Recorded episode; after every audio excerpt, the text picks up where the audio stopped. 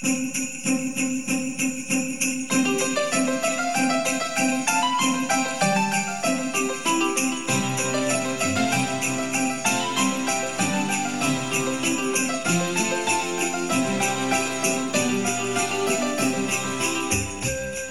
till Skånes taltidnings julnummer, nummer 51 2020 och det sista för året. Utgivningsdag fredag den 18 december. Solen den gick upp 8.33 och går ner igen klockan 15.35. Och det är nästan så mörkt det blir för på måndag vänder det. I olika studior sitter Mats Sundling och Dodo Parikas och fjärrtekniker är Martin Holmström. Det här är innehållet. Coronan fortsätter öka i Skåne med fler smittade och fler inlagda, men vaccineringen kommer allt närmare. Årets sista månadens ansikte är Lundabon Helena Torfin, en samhällsengagerad författare som vill berätta om en verklighet få möter. Ledarhund, okej, okay, men gris och häst får nej. Nu behöver amerikanska flygbolag inte längre släppa ombord tröst och stöddjur. Julnummer i Skånes taltidning betyder att det är dags för årets bästa taltidningsreportage. Vi ska höra ett om polishunden Sigge som fick juryns hederspris i tävlingen om Guldkassetten. Öppnat och stängt på det med tågstationer och Kina-krogar. Julnummer betyder också jultävling och i år testar vi vad du vet om julmusik. Fina priser att vinna. Evenemangstips så med syntolkad film och digital krubba. Kalendern så med vintersolstånd, lillejulafton och dopparedag. Anslagstavlan är idag gemensam för hela Skåne med meddelanden och ändringar i kollektivtrafiken. Och allra sist, årets sista redaktionsruta. Ja, I Skåne fortsätter spridningen av coronaviruset att öka med fler smittade, fler som får vård och fler som läggs in. Och Skåne är nu till skillnad mot i våras hårdare drabbat än de flesta andra delar av landet. Och till exempel jämfört med grannlandet Danmark. Från den 14 december har Folkhälsomyndigheten infört nya allmänna råd som också gäller Skåne med fortsatta påbud om att hålla avstånd, undvika trängsel och minimera kontakten med andra människor.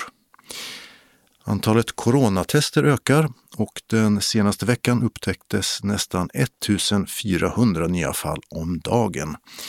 200 fler per dag än veckan innan i snitt. Ökningen sker i alla åldrar utom bland de allra äldsta. Smittspridningen är värst i Helsingborg men ökar också i Mellanskåne enligt Region Skånes uppgifter i onsdags när vi läste in detta. Region Skånes sjukvård ställer nu om stora delar av verksamheten till covidvård där det som bedöms kunna vänta får vänta. I onsdags var drygt 400 covidpatienter inlagda på sjukhus mot 310 veckan innan. En rejäl ökning alltså. Samtidigt infördes besöksförbud i den skånska vården med undantag för ömmande situationer som besök i livets slutskede. Och vårdpersonalen ska nu alltid använda munskydd och visir nära patienter. De skärpta reglerna i vården gäller fram till den 15 januari och de kan förlängas. Sjukvården kommer att klara akutfallen och covidvården, säger regiondirektör Alf Jönsson i ett pressmeddelande. Smittan har som bekant också tagits in på en rad äldreboenden där de allra sköraste bor. Ett antal också i Skåne har nu fått tillstånd att införa besöksförbud, något som normalt inte är lagligt. I veckan skrev tidningen Sydsvenskan om en läkare i Lomma som i våras utan grund avskrev 180 hemmaboende äldre patienter från all sjukhusvård om de på något sätt skulle bli dåliga utan att undersöka dem eller fråga någon med hänvisning till pandemin och en pressad sjukvård. Det har vi aldrig bett om och så får det absolut inte gå till. Det har regionen nu sagt och begärt att saken ska utredas.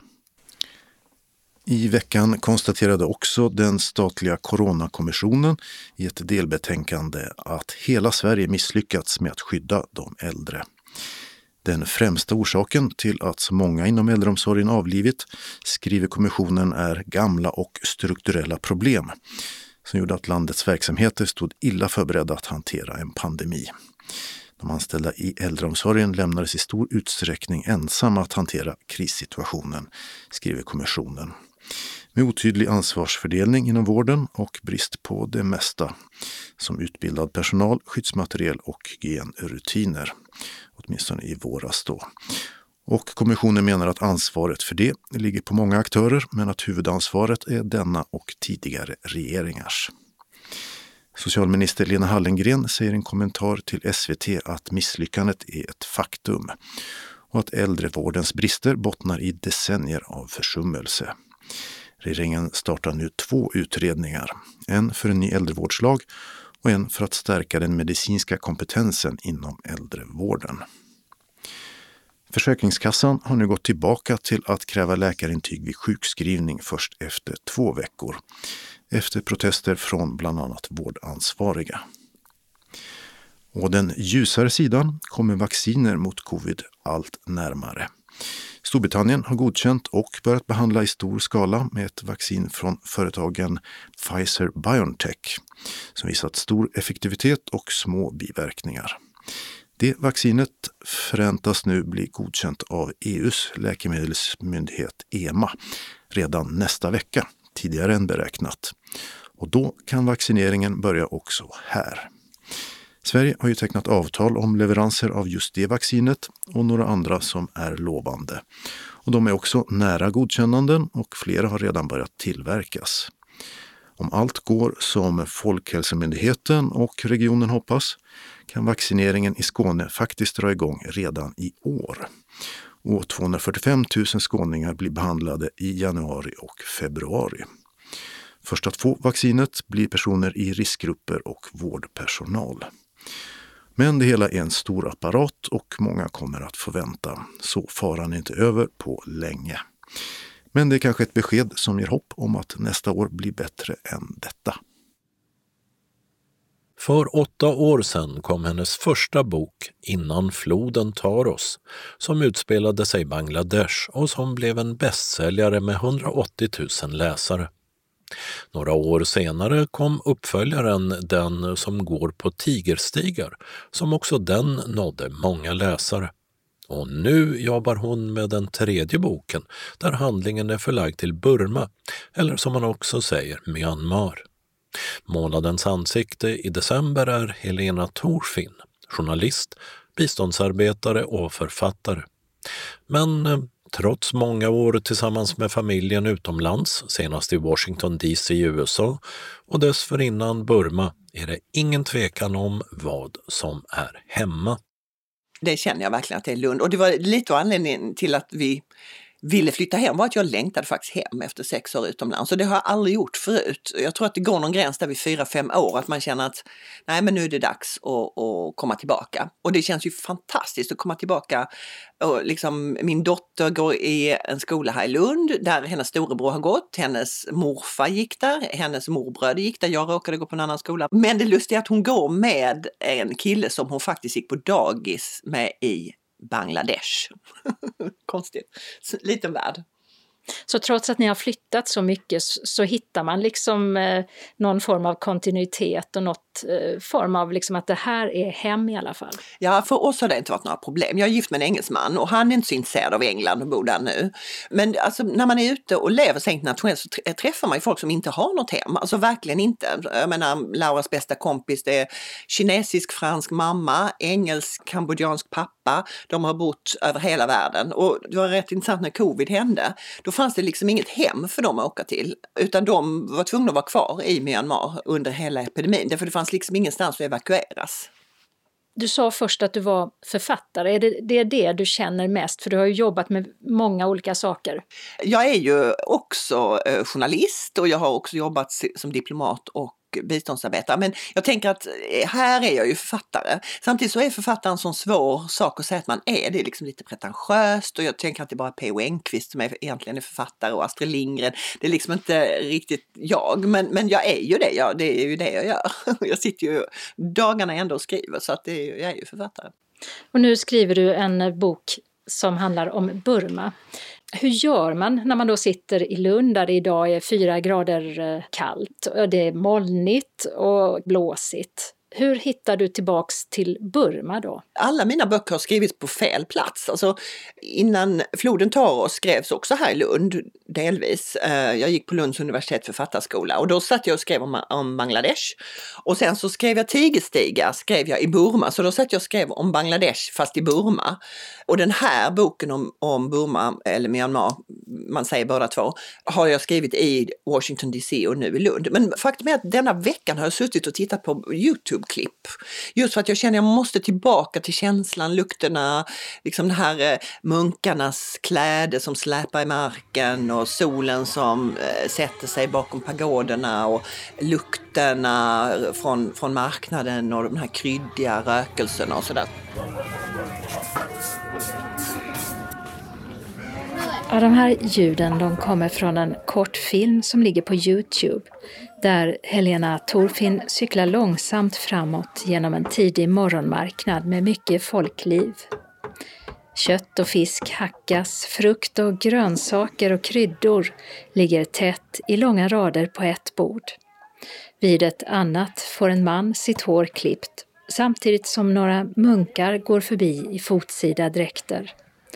Och om man inte reser i tanken med hjälp av ljud och bilder så är ett sätt, när det inte pågår en pandemi, att resa tillbaka. I januari var jag tillbaka i Myanmar för att göra research. Och då filmade jag mycket och tog mycket sådana här, ja men lite taktila liksom, intryck som man har med sig. Och vad menar du då med taktila intryck? Nej men liksom någon lukt, liksom, eh, någon krydda eller munkarna har ofta sådana här små solfjädrar som luktar på ett visst sätt. Tog jag med mig en sån för jag minnas det liksom. Och jag tog med mig en liten, uh, liten skulptur som jag betyder något som har en viss typ av känsla av mässing. Man, man måste hålla på sådär med sig själv för att få liksom, komma i stämning tycker jag. Har du någon musik du lyssnar på för att uh hitta Burma?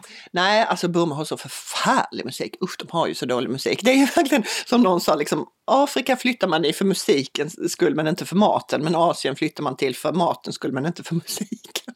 Det är lite sant. Alltså, det är bara såna, såna små sittrar och mm, liksom såna jättehöga skarpa ljud. Nej, det är inte min grej.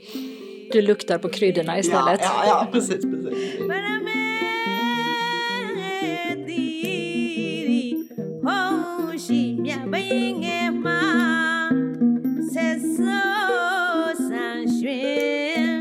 Men de här böckerna som du har skrivit, den som går på tigerstigar och Innan floden tar oss. Där berättar du om ett svenskt par som kommer till Bangladesh. Mm. Och eh, när man läser det så, så, känner man ju mycket att du eh, vill berätta väldigt mycket om samhället. Mm. Det som kanske skiljer mig från, från andra författare är att jag har väldigt mycket att liksom nya miljöer, alltså nya världar som det öppnas upp. Jag skriver inte om skilsmässor på Södermalm eller om människor som eh, åker runt i Norrland i någon bil, liksom, utan jag, har det rätt mycket intryck om människor och olika kulturer. Nu skriver jag ju om eh, buddhismen och följer bland annat det här som hände med rohingyerna, den muslimsk minoritet i Burma som förföljdes. vad som hände var att Facebook fick otroligt stort inflytande och vi var där precis när vi själva liksom såg på våra mobiltelefoner att plötsligt uppdateringarna på Facebook blev mer och mer hetska mot muslimer. Och nu har ju också Facebook tagit på sig en del av ansvaret för hela folkmordet alltså. Så att det är den här tiden jag beskriver. Men ditt samhällsengagemang är ganska stort? Ja, jag tror att jag är mycket journalist fortfarande och det är väl det som, jag har fått otroligt fina recensioner och böckerna har sålt jättebra. Men om det har funnits en kritik så har det varit att de är lite journalistiska, att de vill berätta mycket och att mina läsare säger oh, man lär sig så mycket och man får inblick i helt nya världar. Det gillar ju en viss typ av läsare. Eh, medan då de mer litterära liksom, personerna tycker att det är lite för mycket bilden av ett samhälle mer än av människorna kanske, eller jag vet inte. Du har ju då varit i de här länderna och sådär. När känner du att ja, men det här vill jag skriva om? När får du idén till att eh, det är det här jag vill berätta? Alltså i Bangladesh dröjde det ju ett tag, för jag jobbade ju först på svenska ambassaden, så att det dröjde nog något år eller två. Jag märkte att när jag kom hem på sommaren och började berätta för folk om min upplevelse av Bangladesh och berättade om de här eh, textilarbetarna, jag berättade om mötena med NGO och jag berättade om diplomatvärlden och sådär, så satt folk liksom alldeles tysta och lyssnade. Och jag kände att nej, men här finns ju så mycket berättelser. Så att det tror jag att det tog ett tag innan jag förstod att här sitter jag ju på fantastiska scener och berättelser som folk inte känner till så mycket. Och med Myanmar så är det nästan så, alltså Myanmar är ju ett ställe för författare, alltså det har ju suttit liksom Orwell, Kipling, men det, det är liksom känt att många författare blir väldigt, väldigt inspirerade av Myanmar. Det är ett väldigt speciellt land. Det är vackert det finns en sorg där över allt förtryck som har varit de här sista 50 åren. Det finns människor som är väldigt liksom, trygga i sig själva på ett sätt som är ganska ovanligt här. Så man blir väldigt nyfiken på människorna att de är så, och det är väl all meditation och all mindfulness som de ägnar sig åt som faktiskt spelar roll, att det faktiskt märks. Så att mm, Burma var inte så svårt att bli förtjust i. Där har snarare mitt problem varit att hitta historien som är bara min. Därför det finns så mycket, det snurrar så många berättelser. Så där har det varit faktiskt en utmaning att hitta, det här är det jag ska berätta. Och hur kom det sig att du skrev just Den som går på tigerstigar och Innan floden tar oss? Det var faktiskt så att det växte fram nästan som en liksom, behov av att berätta de här historierna eftersom jag kände att många, vi sitter här i våra liv i, i, i Sverige och i, i privilegierade delen av världen och så vet man att någon jobbar någonstans med bistånd och jobbar i de här miljöerna eller man vet att ens kläder produceras i Bangladesh. Men man vet liksom inte hur den världen ser ut överhuvudtaget. Och när jag kom till Bangladesh så var det som att mina ögon bara blev så här wow, det här är otroligt dramatiska miljöer. Eh, dels hur biståndet går till och hur allt det här snacket om liksom korruption och, och eh, vi måste verkligen få resultat för våra pengar och hur det slår mot fattiga människor som faktiskt inte knappt kan läsa eller skriva när de ska liksom redovisa sina pengar och sådär. Och hur de här textilarbetarna som jobbar för H&M, Lindex, alla de här stora som vi varje dag, alla köper kläder där. Och hur lever de flickorna? De är ju liksom en centimeter från oss rent liksom andligt. Alltså de, vi har deras arbete på oss. Och varenda gång jag gick till jobbet så ser man ju de här eh, textilarbetarna, de här hundratals flickorna som går med sina tiffinboxer som det heter med mat och jobbar 14 timmar i fabriken för att sen gå hem till trötta barn och sådär. Jag kände nästan att jag hade ett moraliskt liksom, eh, krav på mig, jag måste berätta de här historierna. Sen eh, Tigerstigar var också framväxt av händelser som eh, skedde när vi var i Bangladesh. Det handlar bland annat om en container full med tortyrredskap som kommer till Bangladesh och klareras av faktiskt av EU. Och den berättelsen är sann och när jag förstod det så började jag spinna en historia kring den här containern och de människorna som eh, var satta att liksom jobba med de här tortyrredskapen och vad det innebar. Så att eh, jag hade så mycket material om Bangladesh som jag ville använda om man ska vara lite eh, sådär. Jag ville berätta för världen om Bangladesh. Har du funderat kring vad det har gjort med er familj? Har ni blivit tajtare eller hur har det påverkat familjen? Alltså, jag tror vi har blivit jättetajta av det och det tror jag för att vi är liksom eh, vana vid att vara på konstiga ställen och bara ha varandra. Och, och det roliga är att alla tre barnen är så eh, faktiskt tacksamma för sin uppväxt och det, det är verkligen inte alla som jobbar i den här sektorn som har barn som är det. Jag har många då för detta kollegor på Sida som har barn som har gråtit i två år bokstavligen alltså, eh, och varit olyckliga för att flytta. Men av någon anledning har vi haft turen att ha barn som helt och hållet har tyckt att det här var riktigt spännande. Det enda det var lite kris när eh, mellanpojken insåg att han inte skulle få gå gymnasiet i Sverige utan han skulle till Burma. Det var ingen höjdare ett tag. Men sen, sen efter någon, någon månad så var han med i basketlaget och hade jättekul och sen hade, älskade han det i tre år. Efter Burma så skulle egentligen Helena Torfin och hennes familj flyttat hem. Men i sista stund så fick hennes man, som arbetar för FN, ett jobb i Washington DC. Och snabbt ändrades planerna och USA blev det nya hemlandet för en tid. Det var en otrolig kulturskillnad, det var det verkligen. Det var ju från ett um, liksom tredje världen-land med allt vad det innebär av svårigheter att få rent vatten och hitta mat får man ju men liksom vissa varor finns inte. Och att vara den här eh, främlingen hela tiden till att se ut som alla andra och bo på en vanlig gata och, och ha vanliga kompisar och sådär. Samtidigt så ska man inte liksom tro att USA är som Sverige, för det är det verkligen inte. Det tog tid att förstå sig på USA också, det tror jag inte jag har gjort. Jag tror inte jag har förstått mig på egentligen några av länderna jag har bott i, utan jag har liksom skrapat lite på ytan. Och så händer det ju väldigt mycket också med Black Lives Matter och en massa det var en olika... dramatisk vår. Alltså våren var otroligt dramatisk med, med hela Black Lives Matter, vad som hände och hela sättet som Trump driver det landet. Och sen så också eh, hela coronan, den kom ju rätt brutalt. Så att ja, vi satt faktiskt inlåsta mer eller mindre i DC från mitten av mars. Och min dotter kunde inte gå i skolan, min mans kontor stängde ner, eh, gatorna var tomma, vi smet iväg och handlade mat eller beställde mat på nätet. Så att det blev ju aldrig så i Sverige, men det har vi liksom gått igenom. Och vad blir det för bok av det här sen? Ja, jag har faktiskt en jättebra idé på en bok eh, om USA också, så den, men det, nu ska jag först bli klar med Burma-boken. Och när man läser Helena Thorfinns böcker så är det många detaljrika miljöbeskrivningar som ger en möjlighet att skapa sig sina egna bilder av platsen och människorna. Och beskrivningarna handlar förutom synintryck också om lukt, smak och känsel. Men eftersom Helena Thorfinn smittades av coronaviruset under våren så saknar hon ett av sina sinnen som fortfarande inte kommit tillbaka och det påverkar henne när hon skriver jag har ju tappat mitt luktsinne nu under coronan och det, det är ju en chock. Alltså lukt gör ju att saker och ting känns nära på något vis. Va? tror faktiskt att man orienterar sig med luktsinnet mycket, mycket mer än vad man tror. Så att nu, faktum är att nu när jag skriver, just för att jag har blivit så medveten om lukt så lägger jag in det liksom jättemycket lukt nu, så nu kan det bli en riktig luktbok. ja men faktum är att jag blir så medveten om det. Jag längtar så efter lukten, det är verkligen sorgligt. I det här reportaget då, Månadens ansikte, så ingår att man alltid ska berätta hur man ser ut. Ja. Så om du ska berätta hur du ser ut? Mm, det var intressant. Ja, jag är ju lång. Väldigt lång, alltså jag är 1,83. Det är en ganska tydlig karaktäristika för mig.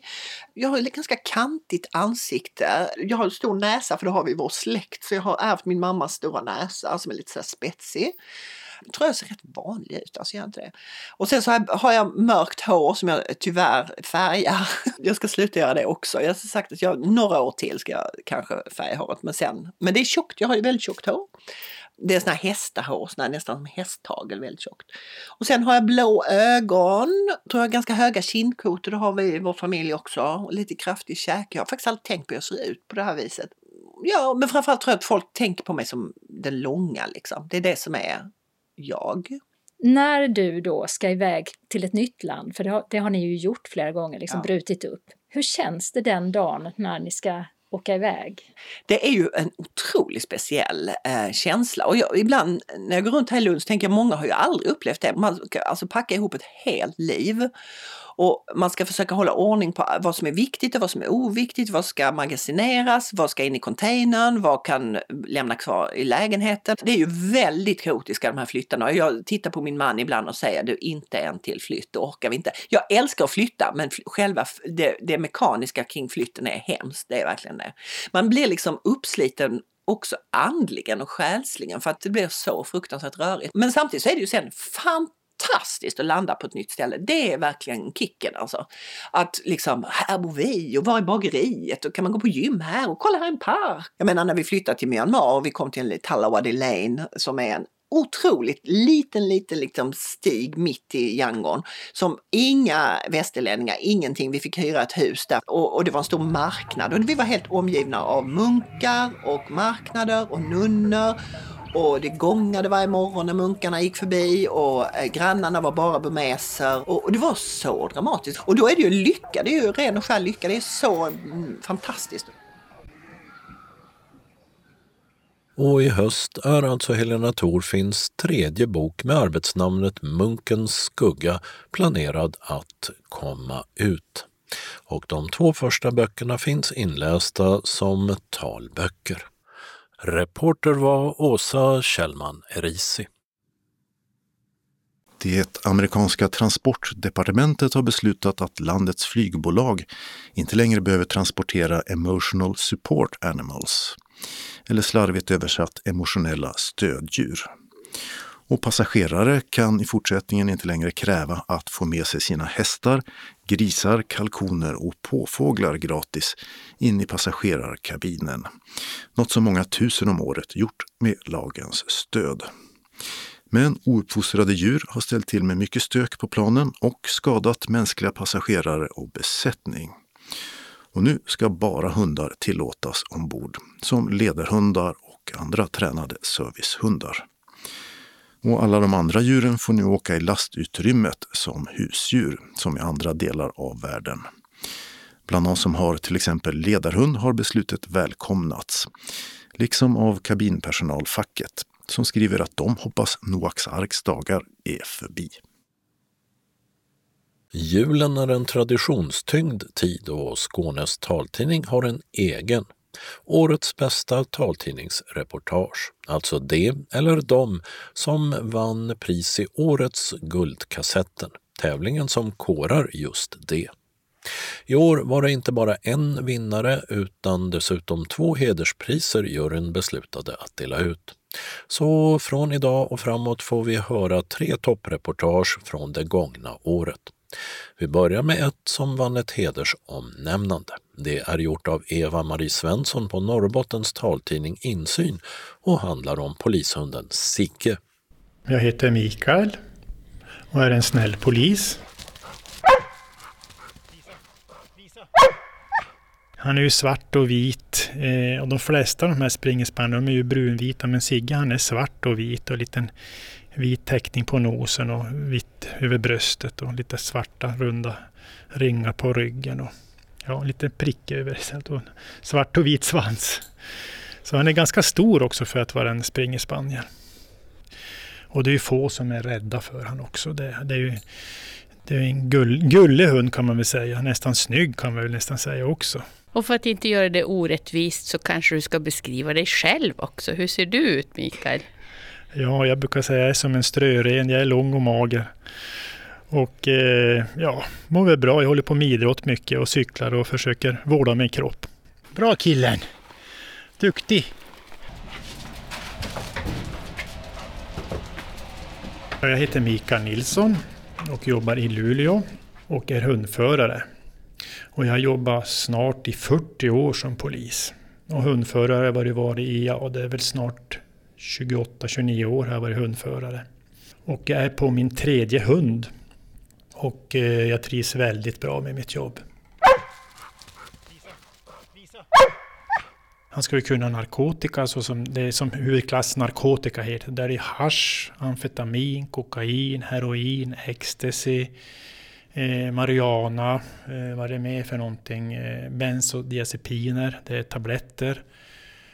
Han reder ut det här och hur äldre han har blivit så desto mer rutin får de ju, alltså en hund. Alltså. Så, så, nej, det, det, så det är fantastiskt. Här, kom! Så. Vi har ju olika slags typer av hundar. Jag har en specialsökshund ja, som heter Sigge. Och Sigge är en engelsk springerspaniel, en jaktspringerspaniel. Och eh, han söker narkotika, han söker vapen och sedlar också har vi lagt på dem. Sedlar, varför, varför då? Ja, men många gånger de här äh, kriminella, de har hand om kontanter. De har ju inte som en annan bankomatkort, utan de vill gärna ha kontanter för att det ska vara svårt att kunna härleda vars pengarna kommer ifrån. Så narkotika och brott och pengar och vapen, det hör som ihop. Så därför har vi lagt på dem sedlar så de kan markera på svenska sedlar, dollar och euro. Oj, nu ropar de här på polisrad. Order Luleå-Boden och Order Östra Norrbotten. Larmet gäller en bensinsmitning på Circle K. Nu är vi vid polisbilen. Det ser ju inte mycket ut för en polisbil. Nej, det är ju en civil polisbil. En Volvo, om man får säga så. Det, den är lätt att åka i och den är smidig och, och sen är vi lite diskreta också. Eh, när vi hjälper till med olika saker så den passar bra för jag och Sigge. Jag blir, jag blir lite nyfiken, men du säger att du får vara ute och spana ibland också. Mm. Hur går det till? Ja, vi kan ställa oss, kanske låna någon lägenhet och titta på någon speciell fastighet eller någon bil eller eh, kolla efter några speciella personer, om det är någon rörelse och sådana saker. Om, om det är drag som man säger, om det är mycket folk som färdas till och från en plats så kan det ju tyda på att de håller på med narkotika. Och så är det bra när man har Sigge, då kan man ju rasta. Då tror man att man är en gubbe med hund som går ut och kvällsrastar. Men det, det, vi har lite andra avsikter ibland, jag och Sigge. Mm, och nu ligger han bakom ett galler här i Mm. bagageluckan och tittar mycket trofast på sin husse. Ja. Han kommer inte titta på dig. Han tittar bara på husse. Han vet vad jag ska göra nu. Jag ska nog öppna bagageluckan och så när jag tog kopplet i handen då kanske han tror att ja, det kanske blir något jobb nu, husse. Man hörde svansen smällde här mot mikrofonen. Se hur han tittar. Nu tittar han bara på mig. Han vill inte hälsa på dig ens en gång. Utan. Kom Sigge, fot här. Och nu har han gått runt och satt sig på vänstra sidan och håller upp en liten tass också. Jajamän, nu vet han, nu är han beredd på det mesta. Han gör sig startklar som jag säger. Så här sitter han då innan vi ska börja söket. Han sätter sig på vänster sida, tittar på mig så är han kontakt med honom, ögonkontakt. Och de här hundarna, oftast de här hundraserna, har jättebra kontakt med sin förare. Och det är en sån här hund som aldrig skulle smita. Fast han är en jakthund så smiter han ju aldrig. Det är ju alltid han lös när vi är i stugan och hemma. Han håller sig kring gården och, och, och folket som bor tillsammans med han. Så han är väldigt trogen. Ska vi gå vidare får du se. En kollega har lagt några, någon, något slags preparat i den här hörnan. Nu är vi i polisgaraget här, i vårt fordonsgarage. Och eh, nu ska vi söka. Jag tror han får söka fritt. Och se om man markerar på det här preparatet. Och markerar han, då får han bollen. Jag ska försöka klicka in den också. Alltid när det är träning så brukar vi klicka. Jag är lite dålig på det där, men nu ska jag klicka också. Använda klicken. Jag klickar när han fryser och visar var det är någonstans och sen får han bollen i belöning. Och ni ser, han verkar ju ganska sugen nu.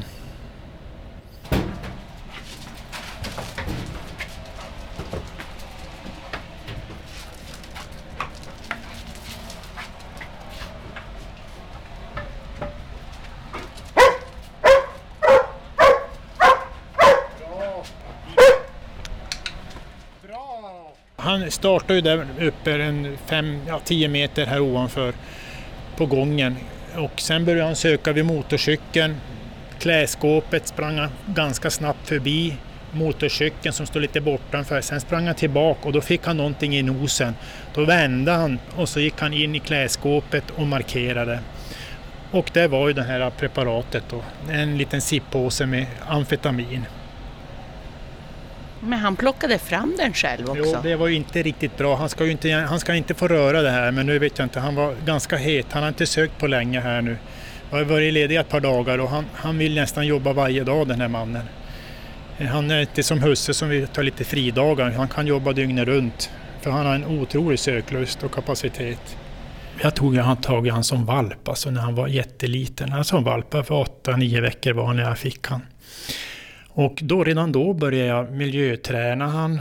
Att han, ja, att han inte tycker det är otäckt att gå i trappor och hala golv. Och att han tycker om boll. Att han, han tycker om en belöning. Att han verkligen har, att han har ett föremålsintresse. Och sen när han var ungefär kanske 10-12 månader. Då började vi köra in preparat på dem. Alltså. Och då brukar vi lägga, gör vi en sån här burkbana. Eh, det är sex olika burkar.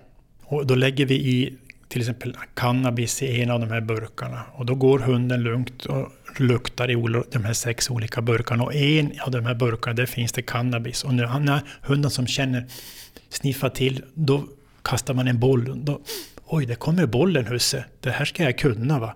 Så får man köra några, några gånger det här, kanske ta en vecka.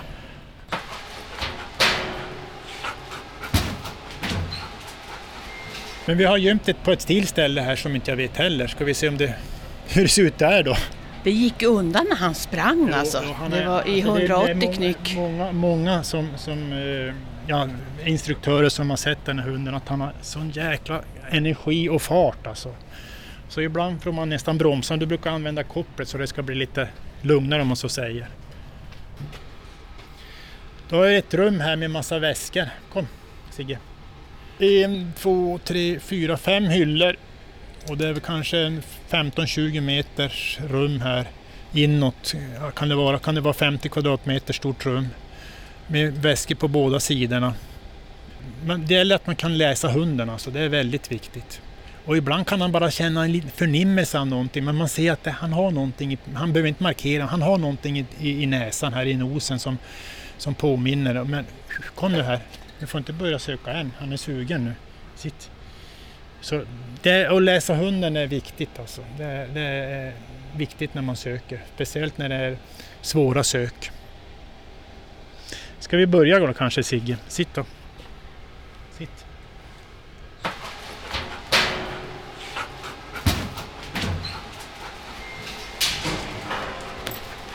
Det är bra, får jobba på.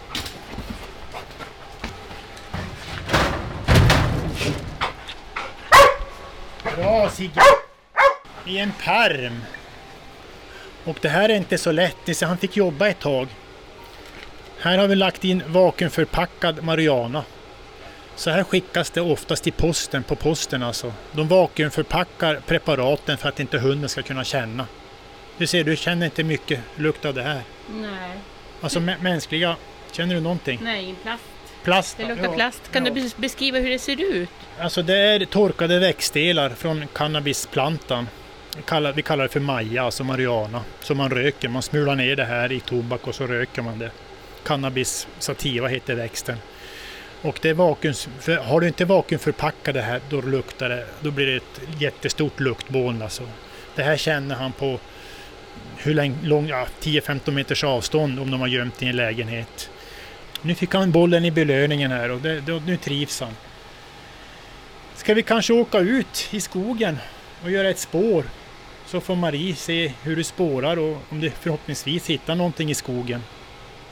Blir det bra det? Ska vi göra så Sigge? Han ser ut som han fortfarande är på gång. Jajamän, jo han har otrolig energi. Han är en bra arbetstagare. Oavlönad. Oavlönad, ja.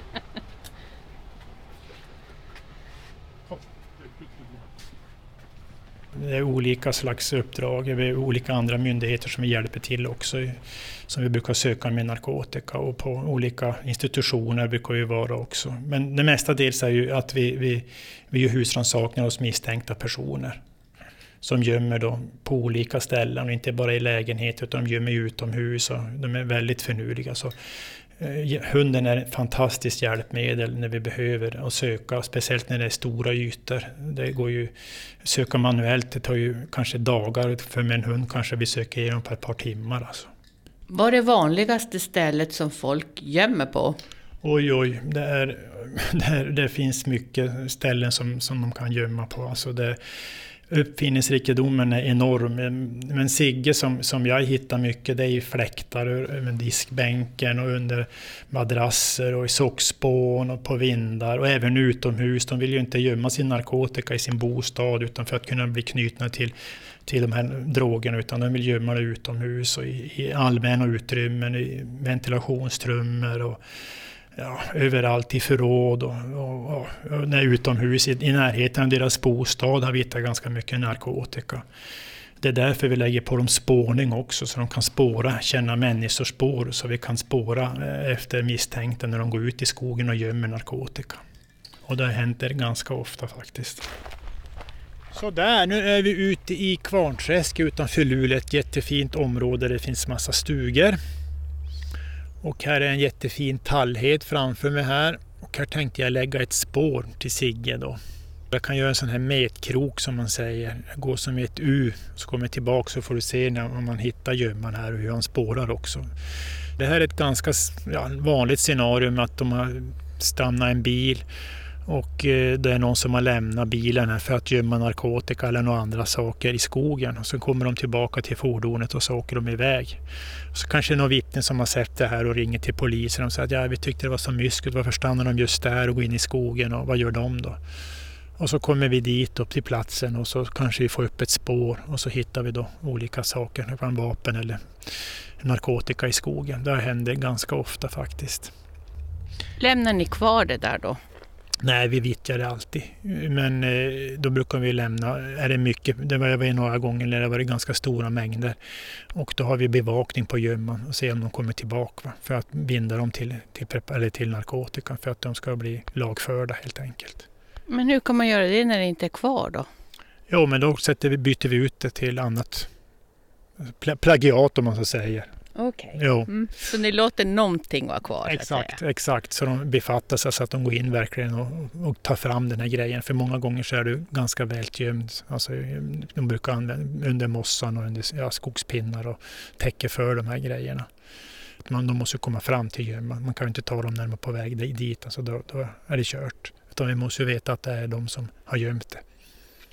Om man får bort eh, kanske några kilo amfetamin från, från gatan så genererar det ju ganska mycket elände. Alltså, kommer ut på gatan med, med det kanske kanske mellan 400-500 kronor grammet och, och, då ska de använda det till ja, olika brott för att få ihop pengarna till narkotikan och missbrukarna. Alltså, så det, det får man bort ja, ett par kilo som jag säger så det, det försvinner det ganska, som i lilla Luleå så märks det ganska tydligt faktiskt. Då är det många som, som kanske inte gör de här inbrotten och stölderna för att det finns inte någonting att köpa. Men står det nog med någon bil någonstans i närheten eller hur går det där till? Alltså? Nej, det gör vi inte. Vi kan inte röja oss. Ibland lägger vi oss i skogen med kamouflage och sådana saker. Eh, och väntar ut tills de här personerna kommer.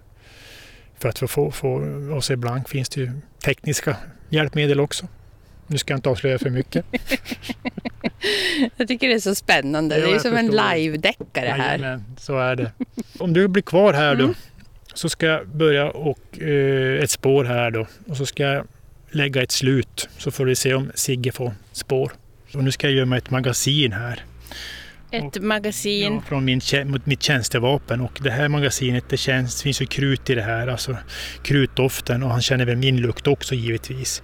Det ska jag sätta här i stubbroten här i slutet och se om man hittar det här. Jag lägger det ner det lite här då. och täcker, täcker här då. Med lite mossa så det inte syns. Ta ut.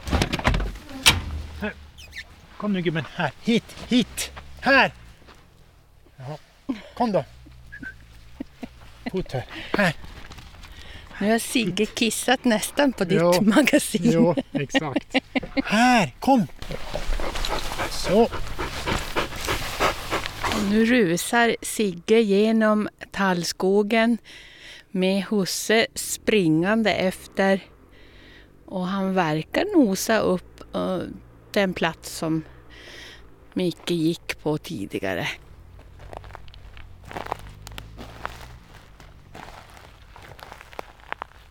Och nu kommer Sigge i mål här och han är jätteivrig och sicksackar sig fram genom djungeln och mossan mot stubben där det är gömt det här pistolmagasinet. Men nu har han lyckats trassla in sig i olika tallar med den här långa linan.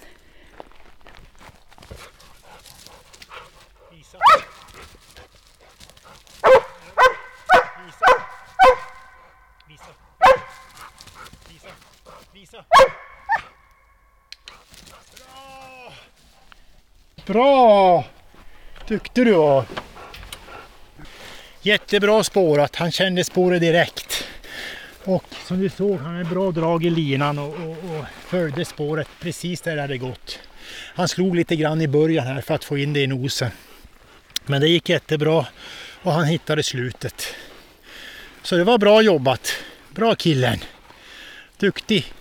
Ibland fri, vet vi inte att de har gått ut, att man säger bara sök.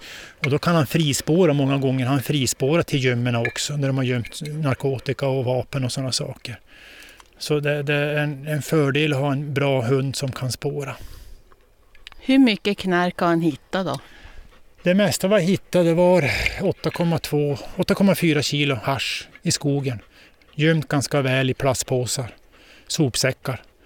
Det är det, det, är det mesta. Men sen är det det var, ja, vi sökte väl 40-45 minuter innan vi hittade det. Men när han kom på området som det han hittade, då var det inga problem. Det är nästan svårare att hitta en sån där liten sippåse som de har petat bakom någon list och eller, eller de har på sig i kalsongerna eller sådana saker, små mängder. Klart, de här stora beslagen är ju roliga att få.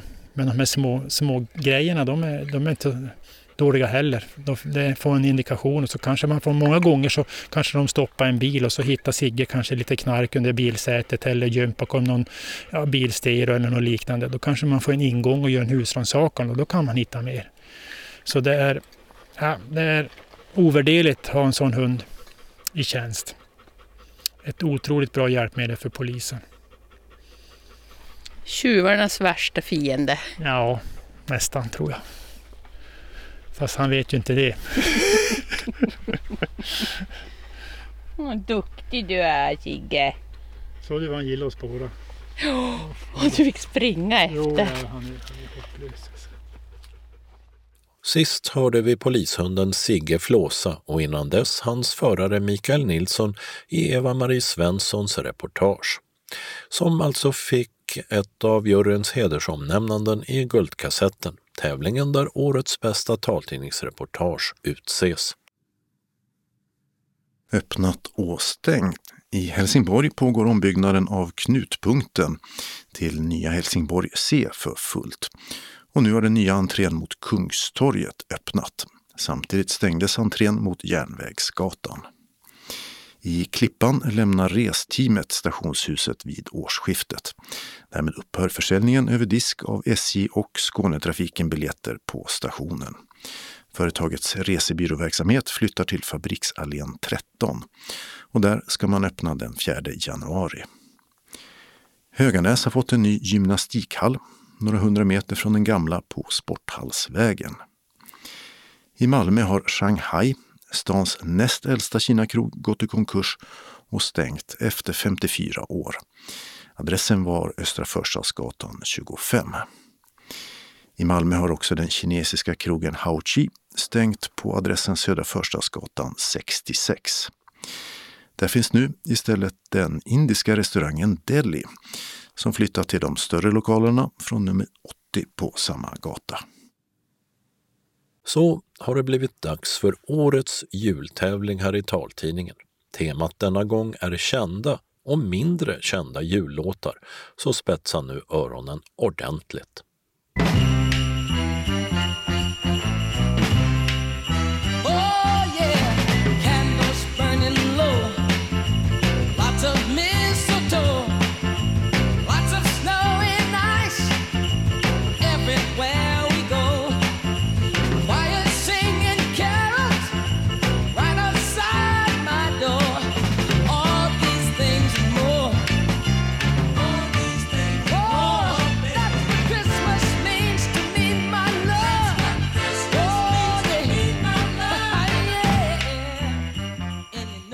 Här var What Christmas Means to Me från 1967.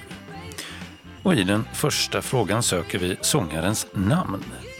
Som ledtråd kan nämnas att sångaren är blind. Söker vi 1. Barry White, kryss Otis Redding eller 2. Stevie Wonder. Nu en klassisk jullåt från 1953 framförd av Gayla Peavy. Och I fråga två undrar vi vad det är för djur som hon önskar sig i julklapp. I want a hippopotamus for Christmas Only a hippopotamus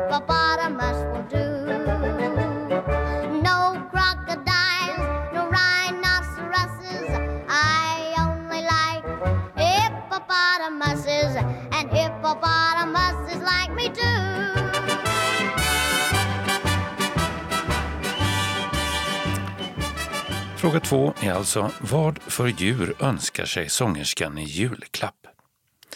Är det 1. Flodhäst, kryss, noshörning eller 2.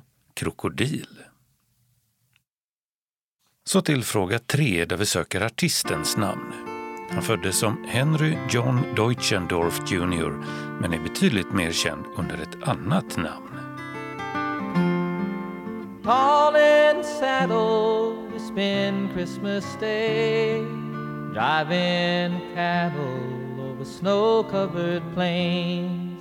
All of the good gifts given today. Ours is the sky and the wide open range.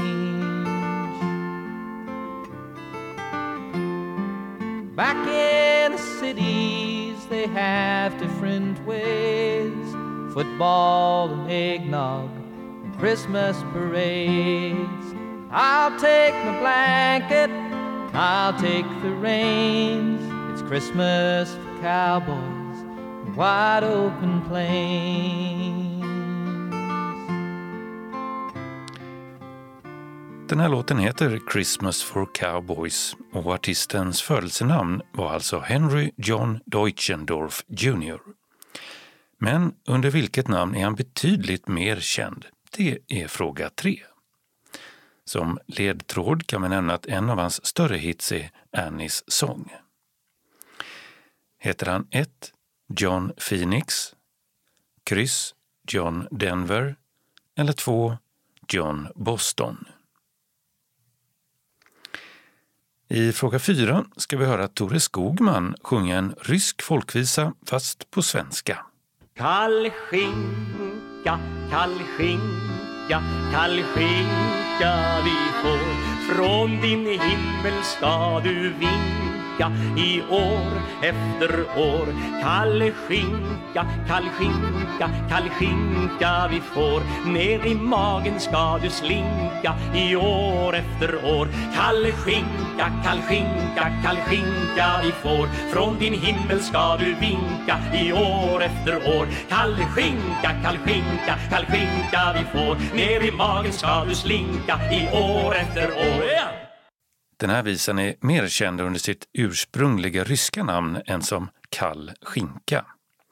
Och i fråga 4 undrar vi vad sången heter i original. Heter den 1.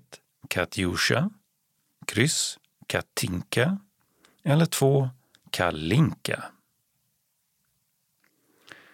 Så till en av soulmusikens största röster.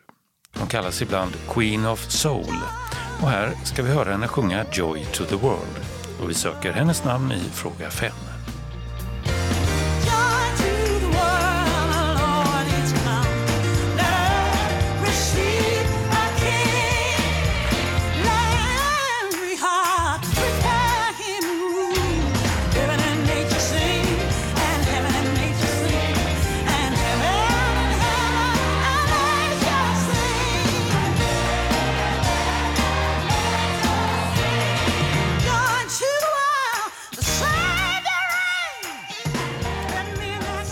Fråga 5 var detta 1. Aretha Franklin, kryss Dolly Parton eller 2. Billie Holiday. Nu ska vi höra en svensk klassisk jullåt. Adolfsson och Falk gav 1982 ut låten Mer jul som spelats flitigt runt varje jul sedan dess. Vi ska höra en bit av låten där vi tagit bort en av textraderna. Och för att få rätt på fråga 6 behöver du veta vilken textrad som vi tagit bort. Ge mig en svårknäckt nöt, sötare gröt, djupare dopp i grytan. Glittrigare glim och grötigare rim. Jag vill ha rymligare säck, segare knäck, fetare fläsk från grisen. Om det var svårt att hänga med så tar vi en snabb repris. Glittrigare glim och grötigare rim Jag vill ha rymligare säck, segare knäck Fråga 6 lyder den saknade textraden 1. Och mera glasyr i sprutan. Kryss och mer Arne Weise i rutan. Eller 2. Och mera imma på rutan. I fråga sju är det dags för vad som kanske är jullåtarnas jullåt, White Christmas. Den är mest känd i Bing Crosbys version, men här är det någon annan bakom mikrofonen.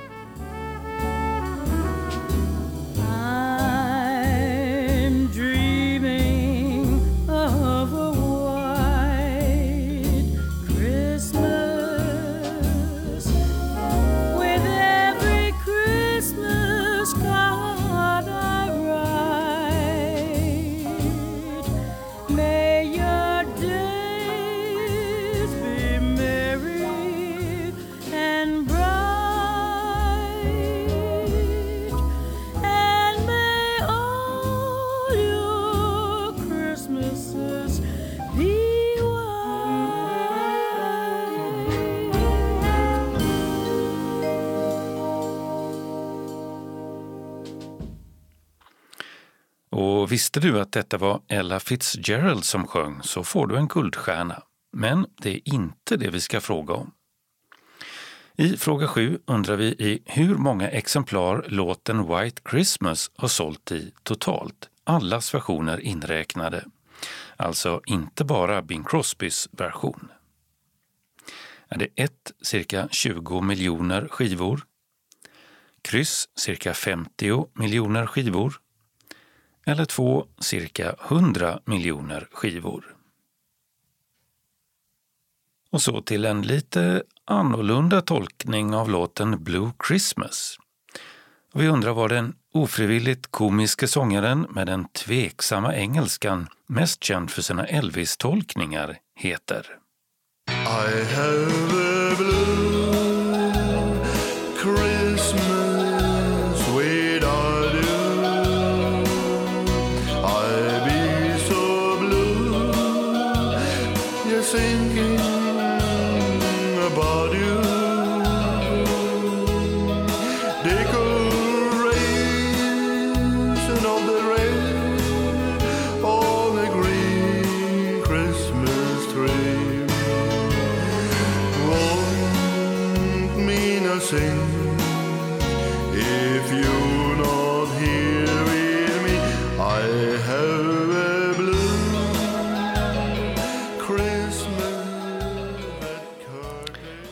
Fråga 8. Heter den här inte så tonsäkre sångaren 1.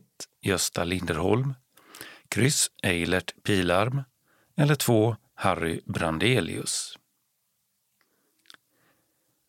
I fråga 9 söker vi namnet på ett kultförklarat band som själva kallat sig det fjärde bästa bandet i Lund. Överst på önskelistan stod En slitstark sak som skulle hålla många mil. Gärna en brandbil men helst en ambulans. Julafton kom med sylta, gröt och gran. En moster från Kristianstad med klappar, puss och kram. Aldrig någonsin får jag som jag vill Och fråga 9 lyder alltså Vad heter bandet som önskar sig en brandbil eller ambulans i julklapp men som fick en kram från moster i Kristianstad istället? Heter de 1. Torsson, kryss Brainpool eller 2. Hoola Bandoola Band? Och vi avslutar med en klassisk klassiker. Det vi hör nu är från en ballett av Tchaikovsky.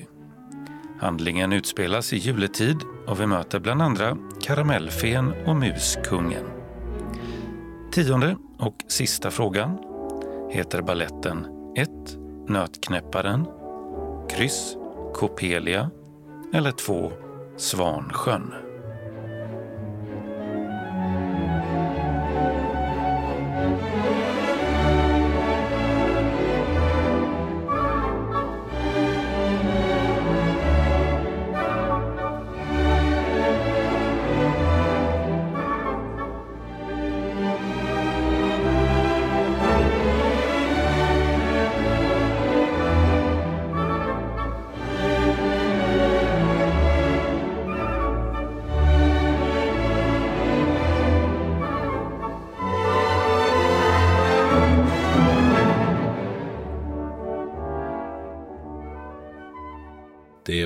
Tio kända och mindre kända jullåtar med varsin fråga till som ställdes av tävlingsredaktör Martin Holmström.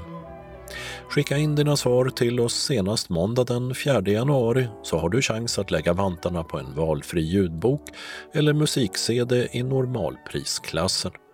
Och eftersom det är jul så känner vi oss extra givmilda och lottar ut ett likadant pris till bland alla som skickat in oavsett antal rätt. Dessutom lottar vi ut en T-tröja eller en mugg med vår fina logotyp på. Är du inte redan prenumerant, som du måste vara för att kunna delta, så kan du bli det samtidigt som du skickar in dina svar. Kontaktuppgifter hittar du i redaktionsrutan sist i tidningen. Evenemangstips. När dessa tips sammanställs före jul ligger de flesta live-evenemang nere på grund av coronapandemin, medan konserter, teaterföreställningar och andra evenemang läggs ut på nätet, ibland gratis, ibland mot en avgift. För evenemang längre fram i januari pågår biljettförsäljning, hela tiden med reservation för pandemirestriktionerna. Vi börjar med syntolkad film. En rad filmer för bio och VOD, Video on Demand, DVD och TV, finns med syntolkning och i förekommande fall uppläst text. Här är ett urval. Komedin 10 000 timmar om en man som vinner en massa pengar och satsar på att bli fotbollsspelare fast han inte kan spela. 50 vårar är en fransk komedi om en kvinna i klimakteriet och hennes döttrar. Klassikern Det ljuva livet i Rommiljö med Malmötösen Anita Ekberg finns också syntolkad.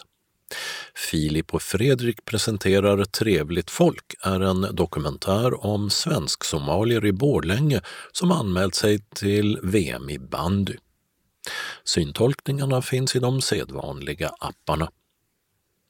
En julkonsert med musikalartisterna Daniel Eriksson och Andreas Eldén kallad Running Home for Christmas finns att ta del av på nätet. Det blir svenska julpärlor, Johnny Mitchell-låtar med mera och man hittar konserten på hemsidan vinterlund.se till och med julaftonskvällen. I programmet står att det är flera separata konserter men det är en enda upptagning som ligger kvar hela tiden. Den traditionella julinblåsningen i Lund med Hemvärnets musikkår på julafton 24 december har pågått i över 60 år. I år sker även den digitalt i samarbete mellan Vinterlund och Södra militärregionen. Jultalet hålls av kommunfullmäktiges ordförande Mats Helmfrid. Också det evenemanget finns på Vinterlunds hemsida, dock bara mellan 12.00 och 23.00 på själva julaftonen. En annan direktsänd julaftonssändning kommer från Gustav Adolfs kyrka i Helsingborg på julafton 11.00 till 12. Det är den traditionella julkrubbegudstjänsten med julens berättelse som flyttat ut på nätet. För musiken står Mia Malmlöv och direktsändningen finns på hemsidan svenskakyrkan.se helsingborg live, alltså L-I-V-E. Danny Saucedos konsert på Malmö Arena den 6 januari är flyttad till 10 december. Ticketmaster har hand om biljettfrågorna. Helsingborgs symfoniorkester, HSO, har bestämt att det inte blir några konserter i januari.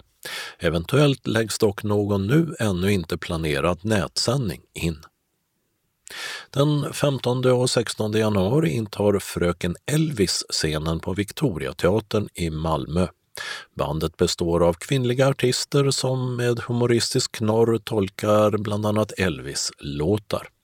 Det blir eh, två konserter per kväll, en med insläpp 18.30 och start 19 och en som drar igång 21 med insläpp 20.30. Biljettpris 400 kronor. Och Kulturcentralen har hand om Victorias biljetter. Riksteatern hoppas på att den 16 januari kunna ge två föreställningar på Lunds stadsteater av Kvinnor som levt och älskat. En musikalisk resa från Melanie Bonis till Gabriellas sång. I väntan på besked om coronarestriktioner säljs max 50 biljetter till vardera föreställningen. Ticketmaster samt Biljettbyrån i Lund är biljettförsäljare. Konserttiderna är 14.00 och 19.00 och priset 120 kronor. Råttundan i Lunds Folkets park är platsen för en musikalisk soaré 29 januari mellan 14 och 15 samt 19 och 20 med estradören Mattias N och pianisten Karina E Nilsson. Konserten heter Kvinnan bakom allt och är en hyllning till starka kvinnor från svensk film och teater förr. Däribland Hjördis Pettersson, Tolly Sellman, Git Gay, Sara Leander, Julia Caesar och många fler. Riksteatern gör detta i samarbete med Vinterlund. Biljetter kostar 120 kronor och säljs av Ticketmaster samt Biljettbyrån. Biljettinformation Kulturcentralen 040 10 30 20 Ticketmaster 077 170 70 70 Biljettbyrån och Lunds stadsteater 046 13 14 15 Kalendern omfattar denna gång hela tre veckor. Årets 52 och näst sista vecka börjar måndagen den 21 december med att det är vintersolstånd. Jordens rotationsaxel lutar då som längst från solen och här på norra halvklotet ger det oss den kortaste dagen på året. Och efter det kan det bara bli ljusare. Och Thomas har namnsdag. Tisdagen den 22 december har Natanael och Jonathan namnsdag. Onsdag 23 december är det lille julafton, en företeelse med blekingska och skånska rötter som inte är särskilt känd längre uppåt landet där man oftare säger dan före dan eller dan före dopparedan, vilket i sin tur bara är begripligt för den som vet att man i alla fall förr doppade bröd i skinkspad på julafton. Det är även drottning Silvias 77 födelsedag och allmän flaggdag. Namnsdagsbarnet heter Adam. Torsdag 24 december infaller förstås julafton, för många den viktigaste högtidsdagen på året, men i år dessvärre med begränsade möjligheter till julkalas. Eva heter namnsdagsbarnet. Fredagen den 25 december, det vill säga juldagen, är det ingen som har namnsdag. Kungen håller sitt traditionella jultal i radions P1 12.40 samt 18.00 och så 1945 i tv SVT1. Lördag 26 december är det dags för annandag jul då Stefan samt Staffan har namnsdag. Söndag 27 december har Johannes och Johan namnsdag och det är redan söndag efter jul. Förr Eh, vilket i det här fallet betyder fram till 1772, firades tredje dag jul detta datum. Programmet Fråga doktorn har sänts i SVT sedan 2003. Programledaren Susanne Axel var inte med från allra första början men kom med redan samma år. Nu fyller hon 65. Måndagen den 28 december tar 2020 års 53 och sista vecka sin början och Benjamin firar namnsdag. Det är även värnlösa barns dag, ursprungligen instiftad för att minnas kung Herodes barnamord när han ville ta död på Jesusbarnet och därför beordrade slakt av alla nyfödda gossebarn i Betlehem. Tisdagen den 29 december är Nathalies och Natalias namnsdag. 80 år har gått sedan London bombades i ett av de värsta nazityska anfallen mot Storbritannien under andra världskriget. Och så har 100 år passerat sedan den svenska skådespelaren och filmstjärnan Viveka Lindfors föddes. Hon gjorde även karriär i USA där hon bosatte sig. Avled gjorde Lindfors 1995 under en teaterturné i Sverige. Onsdagen den 30 december heter namnsdagsbarnen Abel och Seth. 65-årig födelsedag firas av den danska, även i Sverige mycket populära rocksångerskan Sanne Salomonsen. Och torsdagen den 31 december är sista dagen på detta mycket märkliga år 2020 och precis som på julafton är firandet denna nyårsafton mycket begränsat och det är Sylvester som har namnsdag.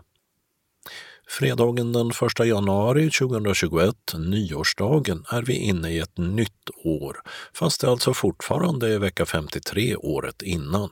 Namnsdag är det inte heller denna dag någon som har. Och har Storbritannien och EU inte kommit överens så brakar britterna in i sin Brexit utan avtal denna dag. Den klassiska backhoppningen i Garmisch-Partenkirchen ser, när detta nummer av taltidningen produceras, ut att bli av. Lördagen den 2 januari kan Svea fira namnsdag och söndagen den 3 januari är Alfreds och Alfridas namnsdag. Måndagen den 4 januari är det dags för 2021 års första vecka och Ruts namnsdag. Det är även punktskriftens dag då Synskadades riksförbund drar igång en satsning på legoklossar med punktskrift som ett hjälpmedel för att sprida kunskap om punktskrift i skolor med synskadade elever. 80 år fyller den kinesiske nobelpristagaren i litteratur år 2000, Gao Jingyan. Flera av hans böcker finns i talboksversion. Tisdag 5 januari är det helgdagsafton igen, närmare bestämt trettondagsafton, vilket ju även är namnet på en förvecklingskomedi av William Shakespeare. En nyöversättning från 1994 till svenska finns inläst som talbok. Och så firar Hanna samt Hannele namnsdag. Onsdagen den 6 januari är det röd dag i almanackan och 13-dagen som infaller just 13 dagar efter jul. I USA samlas senaten och representanthuset för ett bekräftande av elektorsrösterna i presidentvalet. Ledamöterna kan då, om de vill, försöka sätta käppar i hjulet för Biden genom att ifrågasätta delstaternas elektorsresultat. Den brittiske skådespelaren och komikern Rowan Atkinson, känd bland annat som Mr Bean och Blackadder, fyller 75 år. Och namnsdag firas av dem som heter detsamma som de tre vise männen, eller konungarna som de kallas i många länder, alltså Kasper, Melker och Baltasar som kom med gåvor till Jesusbarnet. Torsdagen den 7 januari är det vardag igen medan August och Augusta har namnsdag. Fem år har då passerat sedan det islamistiska terrorattentatet mot den franska satirtidningen Charlie Hebdos redaktion i Paris, då tolv människor miste livet och elva skadades. Fredagen den 8 januari hette namnsdagsbarnet Erland. Det nya årets första nummer av Skånes taltidning kommer ut. Lördagen den 9 januari är det Gunder samt Gunnar som har namnsdag. Och söndagen den 10 januari har vecka 1, men hela 10 dagar, gått av 2021. Namnsdag firas då av Sigurd och Sigbritt. Anslagstavlan är idag gemensam för hela Skåne och innehåller lokala meddelanden och ändringar i kollektivtrafiken. Synskadades förening Kristianstad-Bromölla meddelar att den planerade Knutsfesten den 20 januari 2021 är inställd på grund av coronasmittan. Med önskan om en god jul och ett gott nytt år, styrelsen. SRF Lundabygden bjuder in till 2021 års första föreningsmöte. Torsdag den 21 januari klockan 18 till 21. Vi ska bestämma vilken verksamhet vi ska ha och vad den får kosta det vill säga fastställa verksamhetsplan, budget och medlemsavgift för året. På grund av coronapandemin arrangeras det som ett telefonmöte och man kan även delta på plats i föreningslokalen på Tordönsvägen 4i i Lund. Kommer du dit bjuds du på en lättare förtäring. Till de som anmäler sig till telefonmötet kommer deltagarkoder att meddelas. Och från den 1 december är kansliet numera bemannat på heltid av Desiree Forsman. Och vi tackar Conny för en lång och trogen tjänst hos oss. Sista anmälningsdag till föreningsmötet är den 14 januari till telefonen 046-211 06 74 eller via e-post till srfkansli.lundabygden bredband.net. SRF Lundabygden önskar alla en god jul och ett gott nytt år. SRF Malmö Svedala meddelar att kansliet är stängt från och med onsdag den 23 december. Och det öppnar åter torsdag den 7 januari 2021. Om man behöver ha kontakt med föreningen under helguppehållet går det bra att ringa ordförande Rolf Berglund på telefon 070-547 97 29. SRF Malmö Svedalas styrelse och personal önskar alla en god jul och ett gott nytt år. SRF Västra Skåne, före detta SRF Helsingborg Höganäs, har en julhälsning till alla medlemmar i Helsingborg och Höganäs. Kansliet är stängt för juluppehåll från och med fredag den 18 december till och med den 3 januari 2021. Vi önskar alla medlemmar och styrelsen ett riktigt god jul och ett gott nytt år. Hälsar Monica och Lotta. SRF Ängelholm Båstad har ett meddelande till samtliga medlemmar.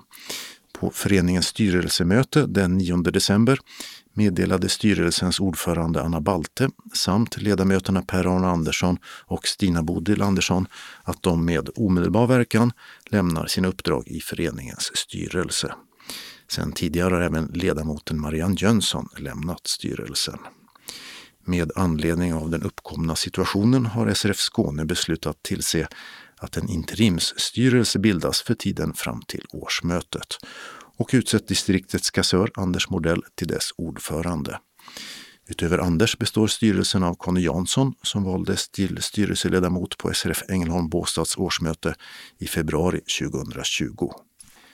Interimsstyrelsen kommer i princip endast att ha två uppgifter att avsluta verksamhetsåret 2020 innebärande framtagande av verksamhetsberättelse och årsbokslut och att förbereda och kalla föreningens medlemmar till årsmöte, vilket preliminärt kommer att hållas lördag den 27 februari 2021. På årsmötet har medlemmarna att fatta beslut om föreningens framtid. Det alternativ som finns är att tillsätta en styrelse som driver föreningen vidare eller att besluta om att föreningen ska gå samman med SRF Västra Skåne under förutsättning av att SRF Västra Skånes medlemmar fattar ett motsvarande beslut. Eller att besluta om att föreningen ska vara vilande till dess förutsättningar finns för att driva föreningen. Den information om föreningens framtid som den tidigare styrelsen nyligen skickat ut kan ni bortse från. Interimstyrelsen kommer i början av det nya året att skicka ut ny information om de olika alternativen som årsmötet kommer att behöva ta ställning till samt konsekvenserna av respektive alternativ. Ängelholm den 14 december 2020. Undertecknat Styrelsen för SRF Ängelholm Båstad genom Anders Modell som också besvarar eventuella frågor på telefon 070-540 51 34 eller via e-post anders.mardell med dubbel L outlook.com. Så några tillfälliga förändringar i kollektivtrafiken. De hundratals rälsfel som har hittats i järnvägen mellan Lund och Helsingborg fortsätter ha stor påverkan på tågtrafiken. Så här ska det fungera till den 31 januari enligt Skånetrafiken. Tågen mellan Lund och Helsingborg kör med sänkt hastighet var 40 minut. Vartannat blir pågatåg och vartannat Öresundståg. Med längre tåg än vanligt för att minska trängseln. Och de stannar på samtliga stationer på sträckan. Tågen från Köpenhamn samt pågatågen från Trelleborg har nu slutstation på Malmö C istället för Lunds C. Och de här tågen slutar att gå klockan 21.43 på kvällen och järnvägen repareras fram till 4.45 nästa morgon. Under den tiden ersätts tågen av bussar. Det ska finnas personal på plats ute på de stora stationerna för att hjälpa resenärerna och se till att trängsel undviks. Alla avgångstider finns i Skånetrafikens app eller när man söker sin resa på hemsidan. Skånetrafikens kundtjänst nås också på telefon 0771 77 77 77. Och i Svalöv pågår ett stort arbete på Bäckalidsgatan och Rönnebergsvägen som får regionbuss 240 att ta andra vägar. Nästa etapp börjar den 19 december och pågår ända till den 31 augusti 2021. Hållplatsen Ängabäcksvägen stängs med hänvisning till hållplatsen Prästgårdsvägen som ligger 430 meter västerut på Rönnebergsvägen. Hållplatsen Hans Perssons väg stängs också med hänvisning till Svalövs centrum cirka 600 meter nordost på Luggudvägen. Och med det beskedet var det dags att sätta punkt för det här numret och för årets utgivning av Skånes taltidning. Det återstår bara att tacka för i år och önska en god jul och ett gott nytt år så hörs vi i nästa. Nummer 1 2021 kommer den 8 januari. Och meddelanden till det bör vara oss tillhanda senast måndag den 4 januari. Skånes taltidning ges ut av Region Skånes psykiatri och habiliteringsförvaltning. Ansvarig utgivare är Martin Holmström. Postadress Jörgen Ankersgatan 12, 211 45 Malmö. Telefon 040-673 0970. E-post Skanes taltidning snabela skane.se och hemsida skanestaltidning.se. Vi hörs igen. Hej då!